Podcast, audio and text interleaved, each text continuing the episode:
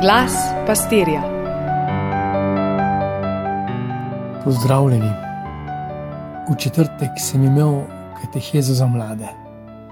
Lani so bile kateheze v glavnem na temo teologije telesa, letos pa smo šli na teologijo telesa na področje vere kristjana, bolj duhovna podlaga.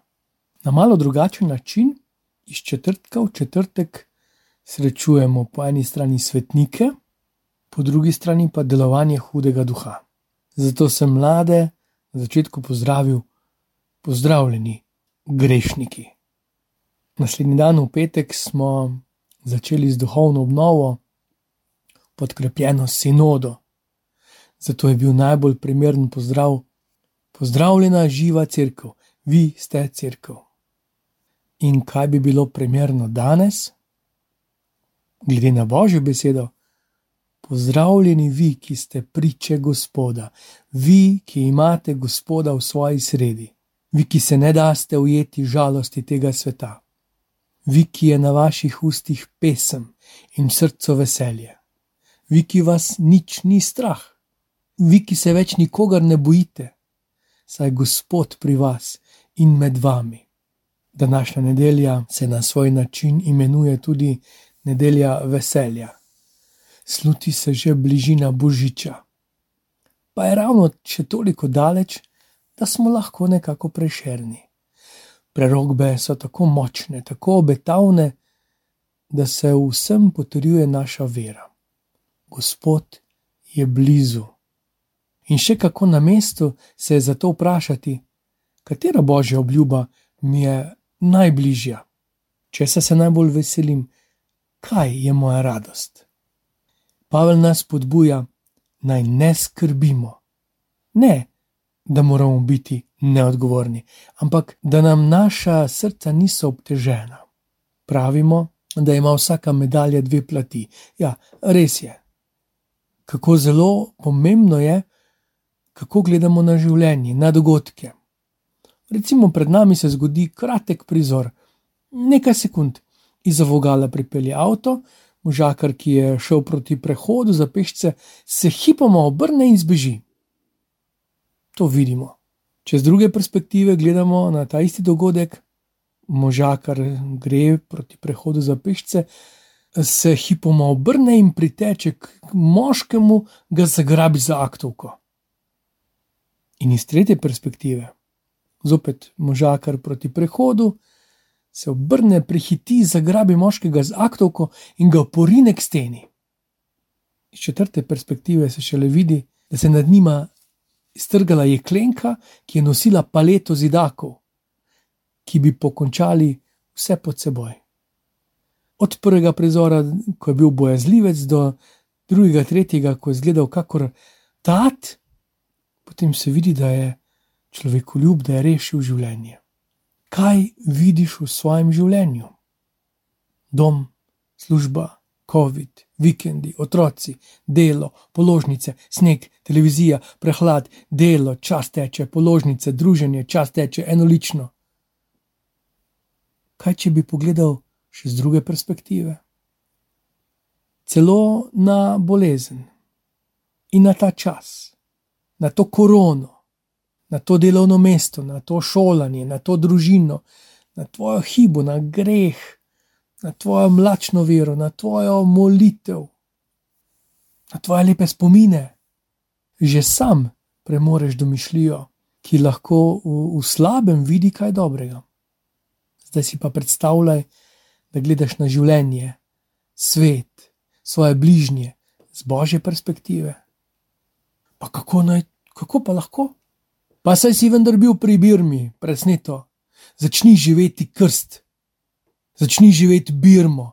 Po krstu imaš njegove oči, njegov okus, njegov DNK, Birmo, tisočeri darovi svetega duha. Začni računati na njih, začni živeti Euharistijo. Ne samo češčenje in slavljenje Boga med nami, ampak preobrazbo sebe preko, preko tebe pa crkve. Ko zaužiješ Kristusovo telo, kaj se zgodi? Použiješ svežo vodo, Narediš požirek vode, kaj se zgodi, ko utrujen na vrhu spetine poješ pest rozin, kaj se zgodi? Celice telesa zaživijo, telo se okrepi. Ko prejmeš Kristusovo telo, postaješ del poveličenega telesa. Ne gre samo za te, za celico, celotno telo se spodbudi.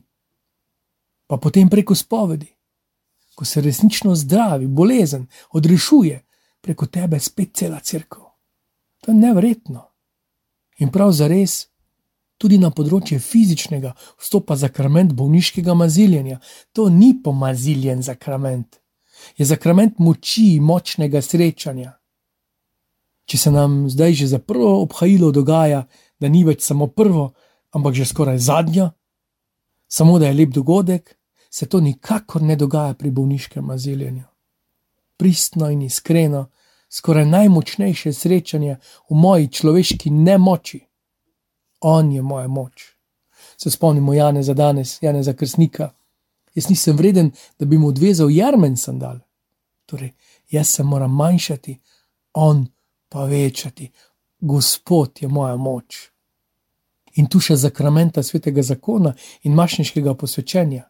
Oba, prav oba, kar pogledamo si današnji čas, sta lahko za okras in toliko krat v breme. Vsem celotni skupnosti. Lahko pa v posvečenje in svetost. Odločitev je naša, obljuba pa njegova.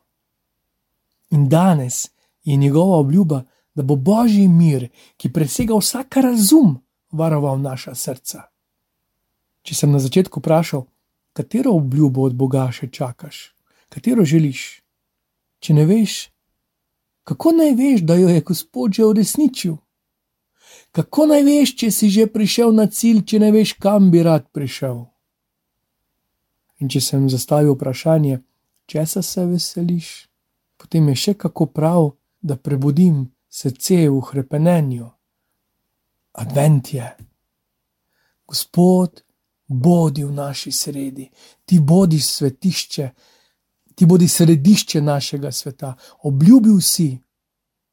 Na nas pa je, da vedno znova izražamo Gospodu svoje želje s prošnjami in zahvaljevanjem. In kar sledi, je mir srca, ki bo varoval naša srca in naše misli v Jezusu Kristusu.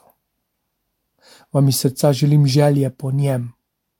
Vstopamo v tretji adventni teden, v drugo polovico koledarskega adventa.